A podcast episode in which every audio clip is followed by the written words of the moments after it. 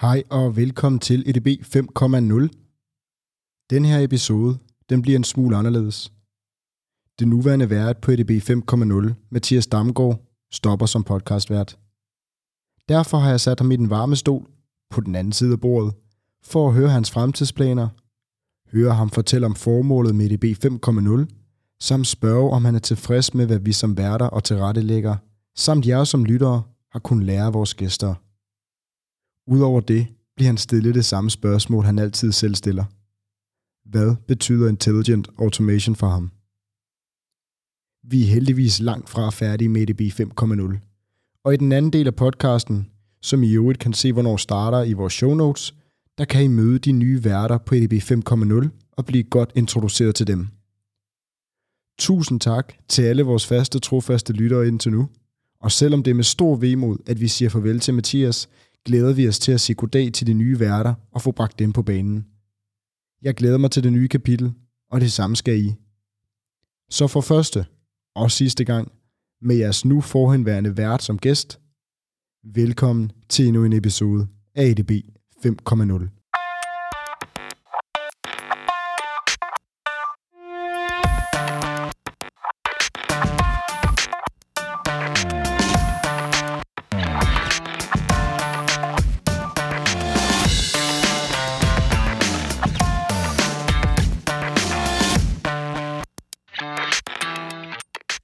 Mathias.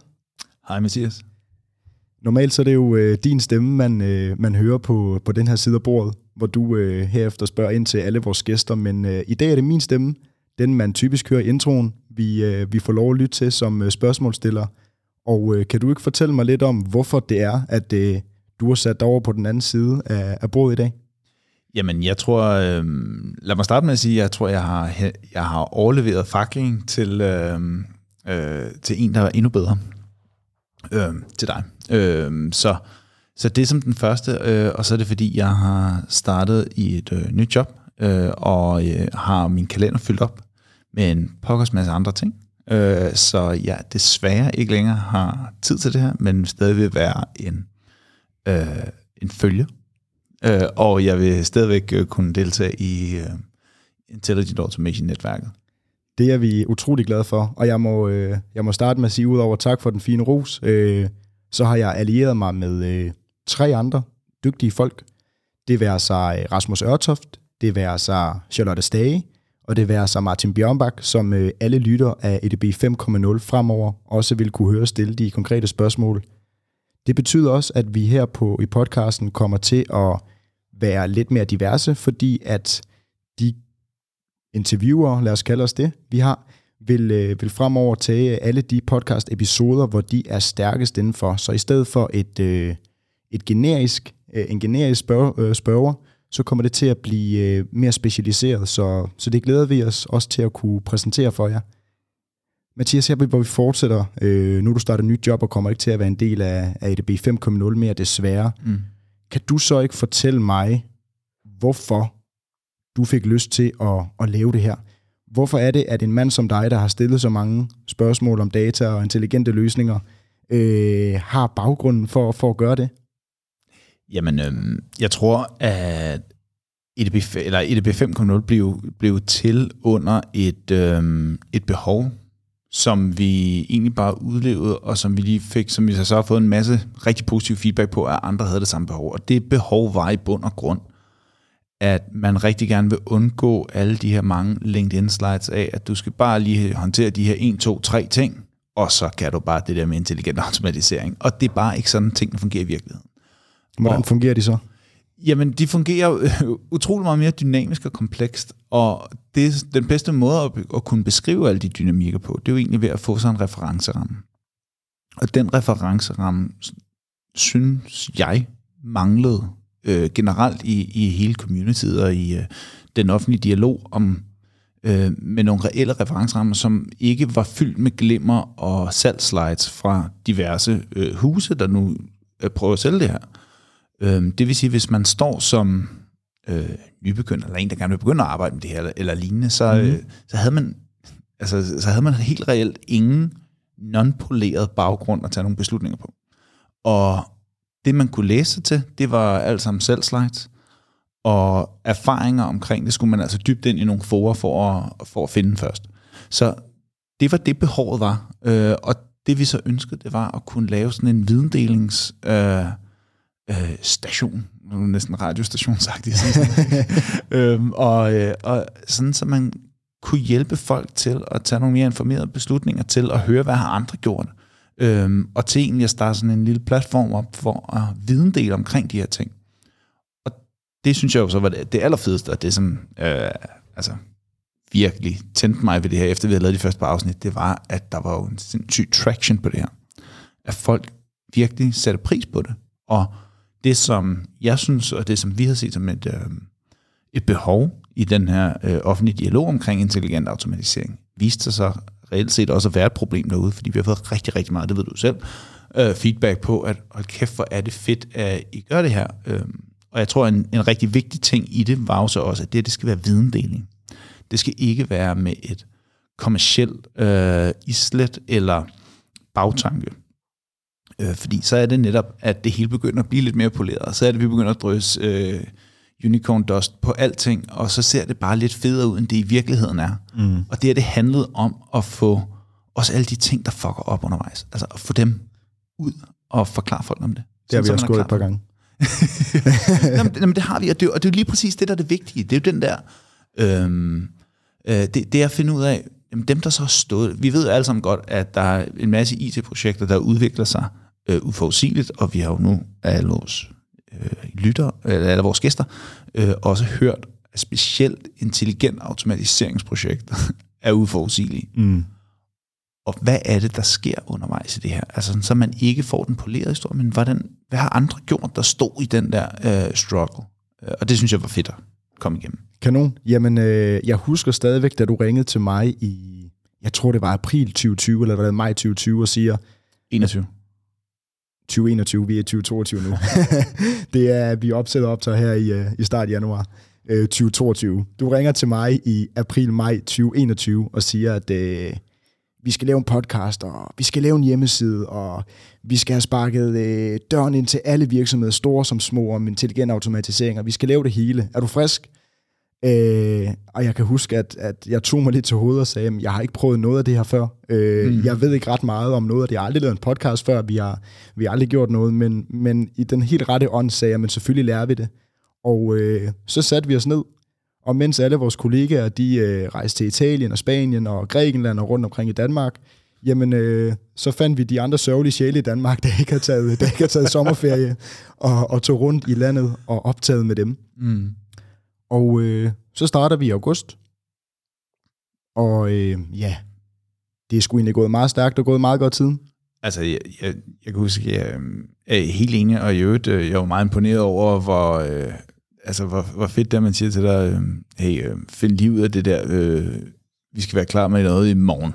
Og så satte jeg en eller anden arbitrær, øh, deadline, og, øh, og, så, og så fungerede det. Så øh, kudos for det i øvrigt. Men, mm, men jeg synes, en af de fedeste ting, som, som jeg fik, det var, og som var det største sådan boost, det var selvfølgelig alle de kommentarer, vi fik tilbage i starten. Ja. Men det var så også, at vi fandt ud af, at efter en måned, så var vi den fjerde største ja. uh, tech-podcast i Danmark. Ja, vi havde, øh, vi havde en periode, hvor vi var den fjerde mest lyttede uh, teknologi-podcast i, i hele Danmark. Uh, og det var altså bare to CBS'er, der havde sat sig foran en, en mikrofon og, uh, og inviteret folk ind, som, uh, som vidste noget om det. Det, det synes jeg er smukt. Det var det er jeg enig med dig i. Nå, det er egentlig ikke øh, hverken mig, eller, eller jo, i det afsnit er du faktisk lidt interessant. Det har du ikke været de andre. Øh, vi har det afsnit, fordi at, at, du, at du for en gang skyld er, er lidt interessant at, at, at, at høre på. Mm. Men det jeg egentlig godt kunne, øh, kunne tænke mig at høre, nu har vi jo fået en del lyttere på vores podcast-episoder, og øh, folk er glade for det, tager det ind. Men du har jo ligesom været med til alle. Du har jo siddet og, og spurgt alle de her forskellige mennesker med forskellige mm. baggrunde omkring, hvordan arbejdet med intelligent automation er. Hvad har du lært af det her? Ikke, ikke så meget af, at drive en podcast, men mere omkring, hvordan de forskellige mennesker og virksomheder arbejder med, med data og intelligente løsninger i Danmark. Det, som jeg har, øh, tror jeg, jeg har lært mest af, fordi der er mange af teknologierne, som, som jeg også havde kendskab til, og også godt vidste, hvordan den fungerede og sådan noget til at starte med. Men meget af det, som jeg synes har været rigtig fedt, det var, at man fik en meget, meget granulær og, og detaljeret øh, pros and cons for, hvad er det, der virker, hvor og hvornår. Altså sådan, så man begynder, begynder at få en rigtig detaljeret forståelse af alle de her dynamikker med, hvornår er det, du bruger de forskellige algoritmer, hvornår er det, det er vigtigt at få hvilken type buy-in fra? Hvilke stakeholders, i hvilken rækkefølge er det, og i hvad er forskellen på, når du laver, øh, når du begynder at lave øh, noget OCR, eller du laver noget andet billedgenkendelse, øh, eller du har et RPA-projekt, hvad, hvilke dynamikker rundt omkring, det er det, der begynder at, at få det til at fungere, eller få det til ikke at fungere. Øhm, og, og den her øh, detaljegrad og fornemmelse af alle de der små dynamikker der, det er en, det er en virkelig stor ting, som, som jeg har fået en fornemmelse af. Mm. Øh, også at når man selv sidder, øh, jeg, jeg er jo selv konsulent, øh, men at høre det fra, fra indersiden, øh, fra, fra dem, der rent faktisk sidder med det bagefter, efter også konsulenter går ud af døren, øh, og, og høre, hvad de så har tænkt, og hvad alt det andet arbejde, der ligger rundt om det. Øh, det synes jeg har været super interessant. Dertil så, øh, man kan sige, vi har været utrolig heldige, vi har haft rigtig mange store virksomheder med. Ja. Øhm, og øh, øh, jeg tror måske, jeg havde, øh, jeg, jeg havde det også lidt på fornemmelse, fordi jeg har også arbejdet med, med, med store virksomheder i, i andre sammenhænge, men jeg tror, jeg fik bare endnu en gang bekræftet, at vi er bare ikke lige så langt på en intelligent automatiseringsagenda, som vi kunne være, eller som folk måske endda går og tror. Hvorfor, øh, hvorfor er vi ikke det? Jamen, øh, jeg tror primært, det handler om, at øh, folk har ikke styr på deres data. altså, og det er sgu rigtig svært at lave. Øh, nej, men det, og så, og så, mangler der, øh, så mangler der en forståelse for ude i forretningen, for hvad der er af potentialer. Det er ved at komme. Øh, der er også ved at komme meget mere styr på data, men det kræver bare en kæmpe indsats, før man kommer der til. Er det, lad mig lige afbryde det der, er det en mm. forståelse på øh, ledelsesgangene, eller på direktionsniveau, eller er det en forståelse fra øh, den almene lægemand, altså det vi ofte omtaler som demokratisering, at den almene medarbejder skal kunne forstå det. Er det der, der mangler en dataforståelse, eller... Jamen, jeg, jeg, jeg ved ikke, om det er en dataforståelse, måske lidt meget en teknologiforståelse, eller, eller noget af den forståelse, som jeg sidder her og nævner, nogle af de der pros and cons og dynamikker, øh, man begynder at, at fornemme omkring det. Men jeg tror, det både er på, en, altså på ledelsesgangene, og det er øh, hos den almene bruger. Øh, og jeg synes egentlig, jeg har fået sådan en... Øh, jeg har ligesom lavet det som min detektor til at vide, hvor meget folk de ved om, om netop øh, intelligent automatisering. Ved det øjeblik, de siger, og så når AI'en gør et eller andet, det er som regel en indikator på, at så tænker man meget, meget abstrakt konceptuelt omkring, hvad er det, øh, funktionaliteten skal være. Den kan faktisk være ret nyttigt, fordi det betyder, at du ikke tænker teknik, det betyder bare, at du tænker use case, og det kan være rigtig øh, fornuftigt. Øhm, så, så til en vis grad kan det faktisk være en meget fin indgangsvinkel, men det betyder også ofte, at når folk bare siger, og så, og så ordner AI nogle dokumenter, bum, så, så ved man godt, så er der ikke særlig meget. Men hvis man begynder at sige, så er der en AI, der læser et dokument og genkender det felt, der hedder det her, og tager det og kommer det over i, øh, i, i, i den her database, og derefter så kigger AI'en på alle de mønstre og finder øh, ud af, hvor det var, der forsvinder, whatever det nu måtte være. Øh, der, der, forskellen på de to svar er, øh, er den forståelse af det, og jeg synes mere, man møder den første, Nummer to er den, jeg håber, der kommer noget mere af derude. Det giver, øh, det giver god mening. Du siger, du selv har erfaring med uh, intelligente løsninger og uh, intelligent automation. Du har interviewet en lang række af folk, der også har forstand på det. Mm. Og du arbejder også med det til daglig. Ja. Jeg tror, du er en helt rigtig mand at, at spørge om, uh, hvad fremtiden for det her AI, IA, verden, værk, show, det er? Jamen, øhm, jamen det, i øvrigt, så det er jo rigtig fedt det der med øhm, at øh, få lov til at lege spormand, ikke? Øhm, jeg, jeg tror, kommer og banker dig i hovedet om 10 år, ja, hvis, men, det, du, hvis, hvis det ikke er, hvis det ikke er sandt. Jeg tror, jeg tror for, lige for at fortsætte ned af det dataspor, som vi havde før. Ja. Øhm, Data Foundation, jeg tror, det bliver, der bliver meget mere fokus. Folk, jeg tror, det begynder at det er ved at gå op for folk, og, folk, og det er begyndt at blive prioriteret, men der bliver stadigvæk arbejdet på det Data Foundation, og det data får en større og større. Data maintenance, alle de øh, knap så sexede discipliner, det er altid federe, det der, når man har haft et eller andet øh, algoritmeprojekt, der lyder rigtig godt. øh, og ham, der sidder og holder styr på masterdataen, er ikke nødvendigvis øh, ham, der får alle klappene på skulderen, men det er altså dem, der får det til at fungere. Øh, og det er det, der er prerequisite for at lave alt andet. Så det tror jeg, kommer der øh, fokus på. Ja. Så tror jeg, at øh, der, det er så måske på en lidt længere sigt, men jeg tror, der kommer til at ske en ændring af begrebet. Hvad er intelligent, og hvad er automatisering, og hvad er IT eller digitalisering? Ja. Øhm, egentlig med i, i form af, at øh, der er mange, mange flere, der bliver rigtig, rigtig dygtige til det. Altså forståelsen kommer til at gå op. Det betyder også, at man, øhm, altså lige snart man forstår, hvad en AI gør, så hedder det ikke AI længere. Og, og det samme tror jeg egentlig kommer til at ske med IT. Lige snart du forstår IT, altså IT bliver også meget mere et, øh, et, et værktøj, øh, som bare indgår i ens hverdag, ligesom at regne og skrive og lave PowerPoint-show og sådan noget. Det er, det er bare sådan en komplementær skills, eller en sideskill, til ens reelle faglighed. Og sådan tror jeg også, det over tid bliver med både IT, øh, automatisering og det, som vi nu kalder intelligente løsninger. Hvor i fremtiden, så, så tror jeg, man kigger tilbage på det nu og sige, okay, så I fandt et mønster i en database, og så kaldte de det intelligent. Øh, og så kunne den genkende det og opdatere det et par gange og lave et par regler. Sådan, ja, ja, det lærer vi dem også i folkeskolen. Og det tror jeg også i og med, at teknologierne bliver bedre og bedre til det, mm. øh, og det er endelig ikke for at negligere dem, der er rigtig gode til det, fordi der kan være mange grader af, øh, øh, af, af detaljegrad og, og, og hvor avanceret det her det skal være, men der kommer så mange af de her hjælpetools til det, og de bliver benyttet ofte og oftere. Øhm, og, og det tror jeg kommer til at ske over tid. Så den der begreb af, hvad, hvad er det reelt set, der kvalificerer til at være intelligent, det tror jeg kommer til at skifte over Okay. tid. Ikke? Øhm, og så tror jeg, at øh, man vil se, at de virksomheder, som ikke får styr på deres data foundation og sådan nogle ting, de, øh, de ender sgu... Det, det kan godt være, at de kan overleve. Øhm, mm, men de bliver i hvert fald, hvis man ikke kommer i gang med det nu, øhm, så kommer man aldrig nogensinde med på den der vogn. Altså, det, altså nogle af de der sejtræk, der bliver lavet nu, kommer til at danne fundamentet for dem, der skal leve af deres data i fremtiden.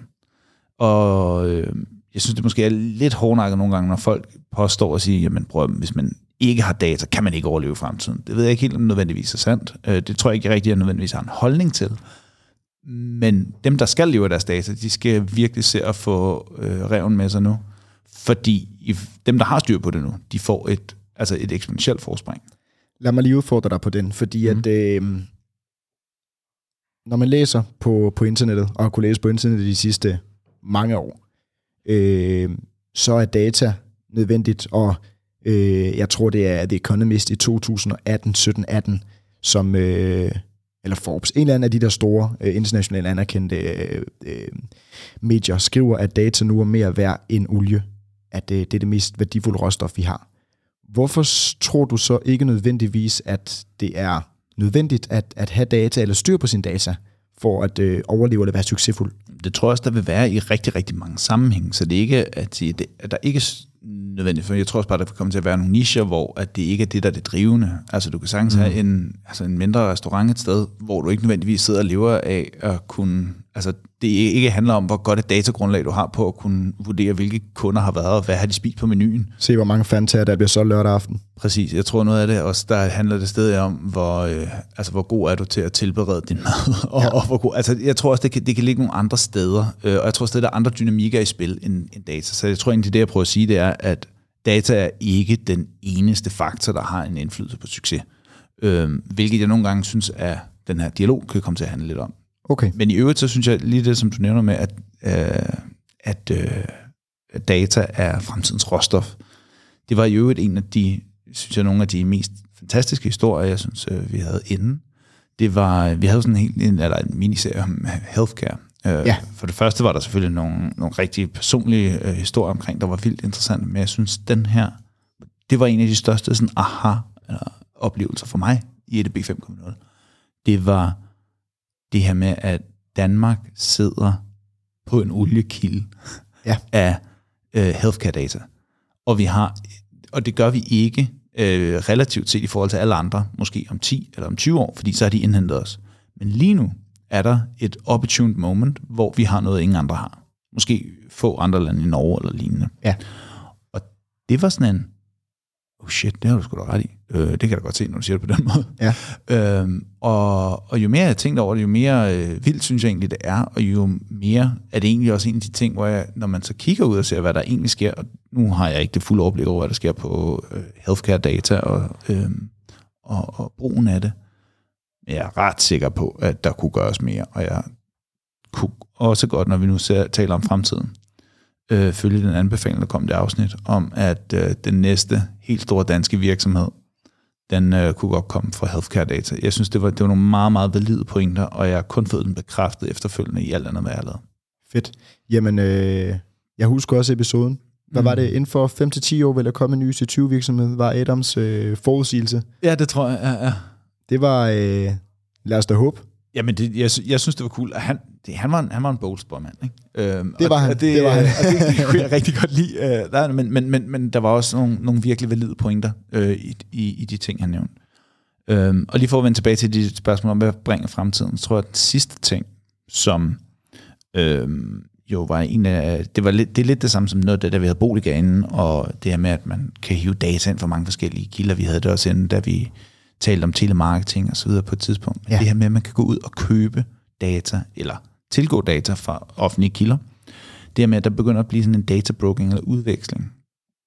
Øhm, sådan så der begynder at blive handlet data, sådan så folk også kan komme i gang med at lave intelligente løsninger. Hurtigere, hvis man ikke har datagrundlaget, så kan man købe sig til noget af det. Er det dataetisk? At gå ud og købe sig til data? Data, som folk måske nødvendigvis ikke ved, findes om dem? Øh, det vil være baseret på, hvad vi lige sagde, så tror jeg, det vil være øh, præmaturt at, at tale om, det er etisk eller ej, fordi det kommer et an på, hvad det er for noget data, og det kommer to an på, hvem det er, der sælger det. Øhm, så det er rigtigt. Øhm, hvis jeg går ud og sælger dit CPR-nummer til andre, det er måske ikke skide øh, øh, etisk, men hvis du sælger din personlige information, lad os bare sige din puls over, et, øh, hver eneste gang du har hørt Spotify og dine playlister sammen, eller whatever det nu måtte være, det kunne da godt være øh, øh, etisk. Det må, det må du jo om, det er jo din data. Ja. S- og, og man kan sige, nu er der jo heldigvis også det her med, at man giver samtykke til, at ens data bliver indsamlet og sådan nogle ting. Mm. I hvert fald i nogle tilfælde. Øhm, og man så helt er klar over det og sådan noget. Men, mm, men jeg tror helt klart, at der er noget for et, hvad er det for en type data? To måske også, og det kan lige så meget være, en ting er, at man kan købe data af offentlige kilder, tilgå data fra offentlige kilder, man kan købe det fra private brokers, men det kunne lige så godt være privatpersoner, der får mulighed for at sælge deres data. Øhm, og det kan også være, at de sælger det til brokers, og brokers samler det og sælger det videre. Der kan være mange forskellige, øhm, øh, og måske endda sådan nogle øhm, abonnementsløsninger i det. Men det tror jeg bliver en stor ting, fordi det vil enable alle dem, der ikke har datagrundlaget, til at komme hurtigere i gang, eller tilgå, eller få den data, som der kunne være brugbar i deres situation. Øhm, så det tror jeg kunne være, kunne være ret fint. Fedt. Mm-hmm. Mathias, øh, vi har ikke øh, så længe igen, så øh, jeg har to afsluttende spørgsmål. Hit me. Vi har jo et fast indslag, og øh, jeg skal måske skynde mig at sige, at jeg har forberedt dig lidt. Det plejer vi jo at være så søde at gøre. Men øh, det er også nogle gange godt at skulle svare on the spot, og ikke nødvendigvis have forberedt det hele. Så vi plejer altid at spørge alle vores deltagere, Mm. hvad betyder intelligent automation for dig? Mm. Vi har måske berørt det lidt sådan implicit i alt, vi har talt om, men Ja. nu kunne jeg godt tænke mig at stille dig det samme spørgsmål, der har givet sved på panden til andre deltagere. Hvad betyder intelligent automation for dig? Touché, jo. Øhm, jeg tror, jeg vil starte med at sige, del ordet op, og så sige automatisering, det er ting, der, der ruller til, øhm, ja. der, der selv sker. Og så kan man kigge på det intelligente. Og der vil jeg egentlig gå tilbage til det, vi talte om tidligere med, når AI'en gør noget. Ja. Og øhm, jeg benytter gerne to forskellige definitioner på det. Øh, den ene er, at man bruger det i en abstrakt forståelse, som at sige, at noget er intelligent, fordi det gør noget, der virker intelligent. Og det kan være fuldstændig regelbaseret. Det kan være, der sidder øh, en på den anden side af skærmen og klikker det hele for dig. Øhm, det er sådan set ligegyldigt. Hvis det virker intelligent, så er det en intelligent løsning, bare fordi den lige- fremstår sådan. Bare lige for at putte det i kontekst. Øhm, det vil sige, det vil også være intelligent, hvis nu man er et teleselskab, og man, øh, når der kommer en ny kunde, jamen så klikker kundeservicemedarbejderen på ny kunde, og så skyder den en velkomstmail ud til den nye kunde. Vil det være et eksempel på det mest standardiserede? Ja, hvis det, bliver, hvis det, hvis det, hvis det føles intelligent. Altså hvis man så sidder der som øh, kunde og tænker, gud, hvordan ved den alt det om mig, at den kender mit navn og alt sådan Hvis man, hvis man oplever det som en intelligent øh, løsning, så, så kan det godt være, at det kan være, det er ikke det samme som, at det er den rigtige definition at bruge i alt tilfælde, men det Nej. kan være en nyttig definition på, når man skal lave noget intelligent. Okay. Den anden definition, øh, vil jeg egentlig gå tilbage til, at det er læring. Det er, hvor vi er nede og tale om machine learning i en eller anden grad. Det vil sige, at vi har noget data, og vi lærer at genkende mønstre i den data, om det så er gennem øh, øh hvilken type øh, machine learning man benytter, hvilken type algoritmer, hvilken type metoder, øh, hvad datagrundlaget er, om det er tekst, om det er billeder, eller om det er øh, øh, data i en tabel. Det er sådan set øh, ligegyldigt. Det handler om at kunne lære af data. Så det korte svar er, automatisering betyder noget, der ruller af sig selv, øh, og det intelligente kan ligesom have to dele.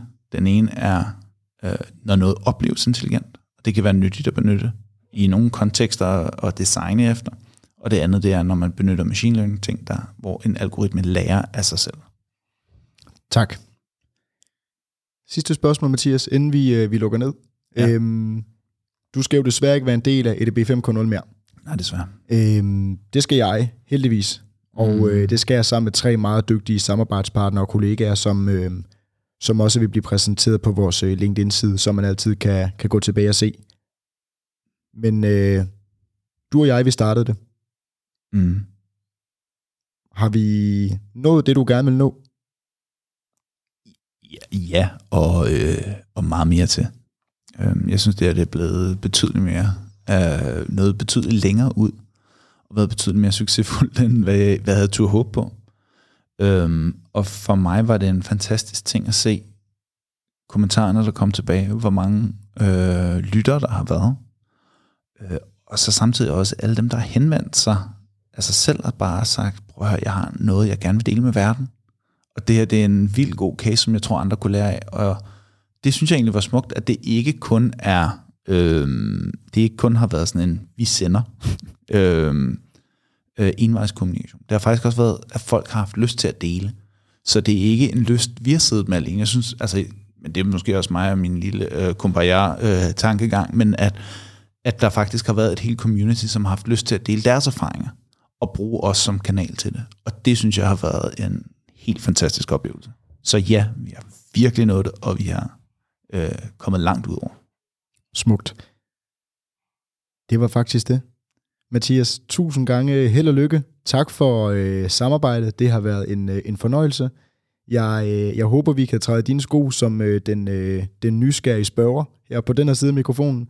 Og så håber jeg, det var sjovt at få en afslutning på, øh, på the dark side, eller the light side, alt efter hvad man vil, af, af, af, af podcastbordet. Jamen, øh, jeg vil bare sige øh, tusind tak. Det har været en absolut fornøjelse, og jeg er, kan sige til alle jer derude, der lytter med, at øh, I er i virkelig gode hænder, og I kan glæde jer til. Jeg har set noget af det fremtidige program, og det ser fedt ud. Øh, så øh, tak til alle. Tak for det, Mathias. Vi høres ved. Det gør vi. Som I hørte lige før, får vi øh, nu tre nye medværter ind. Det vil sig Rasmus Ørtof, det vil sig Charlotte Stage, og det vil sig Martin Bjørnbak. Som en øh, special har vi derfor lavet en lille introduktion til de nye tre medværter, hvor jeg sidder som vært, og de for måske første og sidste gang sidder på den anden side af bordet og skal være med som deltagere. Det gør vi for, at I kan lære jeres nye værter bedre at kende, og forhåbentlig synes, at de er værd at lytte på. Det synes jeg, så øhm, i stedet for, at jeg sidder og præsenterer dem og fortæller om alle deres meritter, så vil jeg bare gerne byde øh, velkommen til alle sammen. Tusind tak. Tak for det. Vi har øh, Rasmus og Charlotte med i, øh, i studiet, mens Martin sidder i en uh, isolation, fordi han er nærkontakt. Forhåbentlig er der ikke noget corona om hjørnet, øh, men øh, lyden vil være en lille smule anderledes på, på Martins mikrofon. Jeg kunne godt tænke mig at starte med vores mand i uh, isolation. Martin, kan du ikke sætte et par ord på, hvem du er? Jo, absolut. Øh, jamen, jeg er som sagt Martin, og øh, jeg sidder jo til daglig i et konsulenthus øh, og sidder og arbejder med øh, data- og digitaliseringsagendaen. Øhm, og jeg har en, en personlig interesse inden for, for, hvad skal man sige, alt det nye, og hvad kommer der til at ske i morgen. Øh, så for mig er det også meget vigtigt, at vi ligesom går ind og balancerer både, hvordan kan man optimere på det, man har, men også kigger ind på nogle af de øh, hvad skal man sige, transformative områder, som forretningen også kan kigge ind i, og hvordan balancerer du de dynamikker mellem både at optimere og transformere din forretning. Spændende.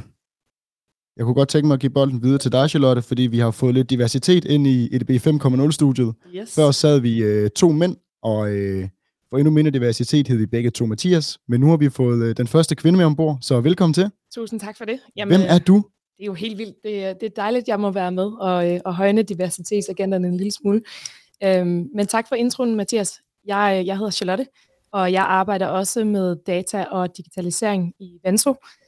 Øh, jeg rådgiver primært omkring data- og digitaliseringsstrategi. Øh, ikke dermed sagt, at, øh, at vi slipper den, når vi først har formet strategien, men, men det, der interesserer mig rigtig meget, er, at når vi taler øh, intelligent automatisering, at man får tegnet de større linjer, og egentlig også sådan får kigget på, hvordan øh, adopterer organisationen det, og hvordan øh, er det, vi skal skabe de rette produkter, som bliver modtaget godt blandt, øh, blandt medarbejderne. Og at man sådan har en, øh, en holistisk tilgang, tror jeg, jeg vil sige, øh, til arbejdet med, med IA. Så øh, jeg glæder mig rigtig meget til at, at være med her. Det gør vi også. Og øh, Rosin i pølsen, Rasmus, velkommen til. Tusind tak. Hvem er du? Jeg er en nordjyd, der arbejder i Venso. Spændende. Og øh, har arbejdet med, med data og digitalisering igennem mange, mange år. Og har været nede i materierne, og, mm. øh, og nu ude af rådgivning inden for, øh, hvordan er det ligesom, vi kommer videre med, med data og digitaliseringsområdet. Hvordan er det, man får mest muligt ud af, af data og, øh, og digitalisering og alle de nye teknologier, der ligger derude. Spændende. Tak for det. Som øh, det næste led, nu har I, øh, nu har I nævnt lidt om jeres fagområde, hvad jeg arbejder med, og hvor I arbejder henne. Og jeg byder mærke i, I alle sammen er, er Forvenso, ligesom jeg selv er. Og øh, jeg kunne egentlig godt tænke mig at høre, hvorfor er det, at vi alle sammen er Forvenso, men det ikke hedder The Venso Podcast, eller noget af den stil? Jamen det er egentlig fordi, at øh, i det her regi er Venso ikke så relevant, så vi er egentlig nogle, øh, nogle fælles interesser, der har forbundet os i forhold til hele data- og digitaliseringsområdet, og, og egentlig har en, og derfor er det her univers kreeret af, af dig blandt andet, Mathias, og, og af, af Mathias den anden. Den anden uh, Mathias, yes, det, det har vi meget sjov med. præcis. Og, øh, og det univers øh, synes vi er så utroligt spændende, og, øh, og, og det vil vi rigtig gerne arbejde videre med, og få endnu flere folk i tale, og ind, lad os inspirere endnu flere folk øh, fremadrettet. Spændende. Dataarbejde er ligesom det tværgående, det jeg hører jer sige, hvor I siger det på lidt forskellige måder. Øhm, jeg kunne lige godt tænke mig at dykke en lille bitte smule mere ned i jeres specielle fagområder, fordi som I hørte før, øh, til jer lytter, I hørte før i den sidste, eller i den første del af podcasten, at det ikke bliver så generisk interviews, øh, hvor det var Mathias Damgaard, der stod for det før, men at vi ligesom får en bredere palette af interviewer ind, fordi at vi så kan specialisere os mere i nogle områder, alle sammen inden for øh, den intelligente agenda og, og data-agendaen. Så Charlotte, hvis vi starter med dig, hvor er det, at du ligesom føler dig stærk, eller har, har kompetencer til at tale ind og, og diskutere med vores podcast-deltagere inden for dataområdet? Jamen, jeg tror, øh, som jeg lige nævnte før, så er det meget det her med sådan at, at få sat retning på, og at, øh, at når vi skaber de her fede tekniske løsninger, så sætte det ind i en helhed, øh, og egentlig se det meget tværgående i de organisationer, hvor vi også typisk implementerer de her løsninger. Så en ting er, at det, det er sindssygt spændende at forstå teknikken under neden, men ligesom også se, hvordan er det, vores, øh, vores modtagere, vores brugere af de her løsninger egentlig adopterer dem. Øhm, og også det her med, jamen, hvordan tager vi højde for, øh, om der er nogle særlige øh, emner øh, for dem, vi skal tage højde for, når vi bygger løsningerne. Øh, er der nogle bias eller, eller øvrige områder, som vi skal være særligt opmærksom på? Det synes jeg er vildt relevant og interessant. Så du kommer til at kunne stille alle de hårde spørgsmål til de folk, der skal i gang med, øh, med nye øh, dataløsninger og dataimplementering, og, øh, og hvad de har husket at tænke på? Det håber jeg. Øh, først og fremmest så tror jeg, at vi kan blive øh, meget inspireret alle sammen, som, som Rasmus også nævner. Det er med at høre, hvordan, øh, hvordan er andres tilgang til det her, men, men forhåbentlig også øh, ja, udfordre lidt på, øh, hvordan man sikrer en god modtagelse af de tekniske løsninger. Kanon. Det, øh, det er jeg sikker på, at øh, vi glæder os til, og forhåbentlig kan vores, øh, vores fremtidige podcast-deltager også svare elegant, lige så elegant som du kunne. Vi, øh, vi dykker videre til vores øh, mand på vores online-linje, Martin Bjørnbak. Kan du ikke, øh, ligesom Charlotte, sætte et par få ord på, hvad inden for dataområdet, du er øh, skarp på og interesserer dig for? Jo, øh, jeg tror først og fremmest vil jeg nok sige, øh, jeg, jeg har oftest forretningsbrillerne på, øh, når vi kigger på dataagendaen. Øh, og det betyder selvfølgelig både, at, at øh, hele forandringsagendaen og, og øh, self-service-agendaen øh, er, er to vigtige punkter for mig, øh, helt personligt. Så, så platformsdelen og hele teknologien er der nogle dygtige kollegaer og mennesker derude, der er bedre til, end, end jeg er. Øh, men det at forstå de, hvad skal man sige, eksakte pain points ude i forretningen og være med til at sørge for, at det er dem, vi reelt set forsøger at løse, det er nok øh, der, jeg ser øh, mine kompetencer allermest. Ja. Spændende, spændende. Det glæder vi os til. Og øh, Rasmus? Yes. Øh, jamen, jeg tror, øh, der er vist ikke nogen tvivl omkring, at jeg nok er alderspræsident i det her rum. så øh, så øh, til, til lytterne derude, så har jeg jo siddet i business intelligence værktøjer øh, og siddet og kodet rundt i, i rapporter og se hele den verden udvikle sig øh, til hvad den er i dag i forhold til, som også Martin nævner, hele self-service agendaen. Øh, men jeg er tilbage fra den tid, hvor at øh, der ikke var så meget self-service i business intelligence, hvor vi sad der og kodede det frem og tilbage og har haft min øh, også ret mange gange i ja, undskyld derude, i VBA, øh, som, som værende et værktøj, jeg har, har synes var rigtig, rigtig fedt. Øhm, og, øhm, men, men frem til nu, øh, hvor at jeg tror, jeg har mine spidskompetencer i og øh, rådgive omkring øh, nye teknologier, og hvordan er det, man får dem brugt på den rigtige måde, øh, og samtidig også, hvordan er det, man i hele taget kommer i gang med den her agenda, som jo er så sindssygt stor, øh, og den emmer så mange muligheder. Øhm, og der øh, synes jeg jo, at, at hele den der opstart af det, er det utrolig inspirerende igen, at komme ind i det her univers og, og nu øh, være mere aktiv i det øhm, i forhold til at lytte på alle de fede cases og historier, der er derude omkring, hvordan man er kommet i gang med det. Fedt. Du, øh, du nævner det lidt her til sidst, fordi at øh, I lyder jo alle tre som nogen, der har noget at byde på og, og har forstand på det.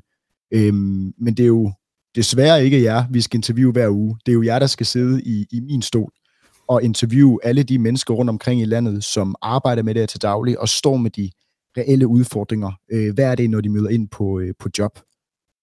Kan I ikke fortælle mig, hvad I glæder jer? Det er et lidt åbent spørgsmål. Hvad I sådan glæder jer til at, at lære af at tale med så mange forskellige mennesker i forskellige stillinger med forskellige udfordringer? Jamen, jeg tror, jeg glæder mig allermest til bare at komme i gang. Jeg er som sådan en travhest i boksen, og er klar til at komme ud over stepperne. En nordjysk altså, travhest. Ja, en nordjysk travhest, præcis. Um, jeg, jeg glæder mig sindssygt meget bare til at have de dialoger og komme i dybden i dem, ikke? Og, og få, få en, en, en dialogbaseret uh, dialog op at køre i forhold til, hvad, hvordan kan vi lære hinanden, og hvordan har tilgangen været, at komme ud og møde mange forskellige brancher, mange forskellige uh, mennesker derude, mm. der sidder i mange forskellige stillinger mm. og arbejder med teknologi og data og, og automation-agendaen på, på vidt forskellige måder. Ja. Så bare det med at komme ud og lytte og lære, øh, og, og viderebringe den viden i det her univers, synes jeg er det fedeste. Kanon. Charlotte, er der noget, du håber at, øh, at lære, når du, øh, når du taler med, øh, med nye mennesker? I et podcastformat, som det jo bliver? Jamen, absolut. Øh, jeg tror da kun, vi kan blive klogere, øh, og det er godt altid at være, være nysgerrig på det her. Jeg tror også, det, eller jeg ved, det er en agenda, hvor der sker rigtig meget. Der er ret forskellig modenhed, øh, som vi også oplever det i markedet. Så det her med ligesom at se, hvordan man også omfavner det, og tror også sådan skalerbarheden i det, hvor nogen starter lidt i et hjørne i forhold til det her med automatisering, og finde ud af, hvor er det så, man starter, som du også var inde på, Rasmus, men også de, øh, de virksomheder, som virkelig er, er langt på agendaen, og egentlig øh, kører et meget større setup og en større organisering omkring det her. Øhm, så skalerbarheden i det, og få indsigt i den, det, det glæder jeg mig til. Kanon. Martin, øh, du får ikke samme spørgsmål. Du får et lidt anderledes spørgsmål. Bring it. Hvorfor har du lyst til at være med i, øh, i DB 5.0? Hvad er din motivation, og øh, og hvorfor jeg tror, tror du, at, at det er det rigtige for dig, og lytterne for den sags skyld? Selvfølgelig. Øh, sådan rent personligt, øh, så, så er jeg meget nysgerrig af karakter. Øh, så det her er også en måde for mig at få sådan, tilfredsstillet min egen nysgerrighed på. Øh, og så, så synes jeg også generelt, det er interessant at forstå, hvordan andre mennesker de, de øh, agerer med den nye omverden, der kommer, og hvad de inspireres af. Øh, og det skal heller ikke være nogen hemmelighed, at, at, at øh, jeg, jeg lever lidt efter det mantra, hvis, hvis det kan gøres smartere, så skal det også gøres smartere. Så derfor er det også en helt naturlig øh, ja, motivationsfaktor for mig at forstå, øh, hvordan forskellige øh, forretninger de reelt set øh, forsøger at løse problemerne i dag. Øhm, Lad mig lige stoppe dig der. Ja, endelig. Kommer du øh, som en anden nordjysk travhest til at sidde med, med klovene i, øh, i jorden og, øh, og bide dig i, øh, i underkæben, hvis nu du hører på episoder, hvor folk ikke gør det smart? Det er et godt spørgsmål. Det får vi se. jeg synes, det er super spændende, og som Charlotte hun selv nævner, så er modenhedsniveauet forskelligt øh, derude, men det er jo også lige præcis det, der gør det spændende, og det, der gør, at det er vigtigt, at vi kan, kan lære af hinanden. Så jeg ser det her som øh, et vigtigt forum til ligesom at få skabt den her vidensdeling, fordi vi ikke længere bare snakker én teknologi, men det faktisk er et koncept, der består af mange forskellige synergier, og det her med at få ligesom, øh, ja, eller teknologier, men synergien imellem er det interessante øh, og hvordan man optimerer det på den smarteste måde. Øh, det kan der være mange meninger og holdninger til, så derfor er det vigtigt, at vi får, får det frem i lyset, så, så vi kan lære hinanden. Spændende. Vi har faktisk ikke så lang tid igen, men jeg kunne godt tænke mig at øh, slutte af med et spørgsmål, som I fremover kommer til at stille til alle vores øh, deltagere. Det er et spørgsmål, som øh, typisk giver lidt sved på panden. Det er et spørgsmål, der er mange meninger om, og det er et spørgsmål, hvor podcastdeltagere nogle gange senere hen har lyttet på de tidligere episoder og erklæret sig lodret uenige. Så, the one million dollar question, og det er et åbent spørgsmål, så må I supplere, diskutere, være uenige. Hvad betyder intelligent automation for jer? Jamen, jeg kan godt lægge ud. Um, det var modigt. Ja. det var den travhesten, der... Så kan det være, vi, travhesten, der lavede ud. Så kan det være, at vi alle bliver uenige på det her kald. Ikke? Nu har vi jo to meget kompetente mennesker med, så, så det kan være, at vi allerede der kan få en diskussion i gang. Men for mig er, er intelligent automation eh, samspil mellem øh, processer, teknologi og menneskerne. Og, og i den treenighed i midten finder man intelligent automation, fordi det ene kan ikke stå alene. Intelligent automation kan ikke kun Hvorfor handle, kan det ikke det? Det, øh, for mig kan intelligent automation ikke kun handle om teknologien, eller kun om, om at sætte strøm til processerne, eller det, det hele skal spille sammen, sådan at menneskerne øh, forstår det, der er i gang, og, og, øh, og vi ligesom forstår de processer, vi skal gøre smartere. Øh, så det, og i den forbindelse hjælper det også med prioriteringer og, og investeringer derude, i forhold til, hvor det er, vi skal, vi, vi skal satse øh, henne. Så, så det er samspillet mellem de tre, ene, øh, tre enheder, der, der er den vigtige for mig. Spændende. Kommer I to andre til at slagte eller ride på den øh, nordjyske travhest? Nej, det var, det var et okay bud, vil jeg sige. Ja, ja det gjorde du meget godt. Ej, jeg tror, øh, jeg synes også, det er enormt interessant det her med, hvordan man også netop kan bruge det til, til beslutningsunderstøttelse. Altså, jeg tror, nogle gange kommer man meget til at se det her som enten eller, at teknologien skal tage over og træffe beslutningerne for os. Øh, men det her med, hvordan vi faktisk kan bruge, øh, bruge IA til at træffe kloge beslutninger, øh, baseret på et, et, et mere informeret grundlag. Det, det synes jeg egentlig er, er ret fedt. Øh, og så selvfølgelig er der alt det her med omkring, hvordan kan vi automatisere nogle processer, vi måske ikke synes er så interessante.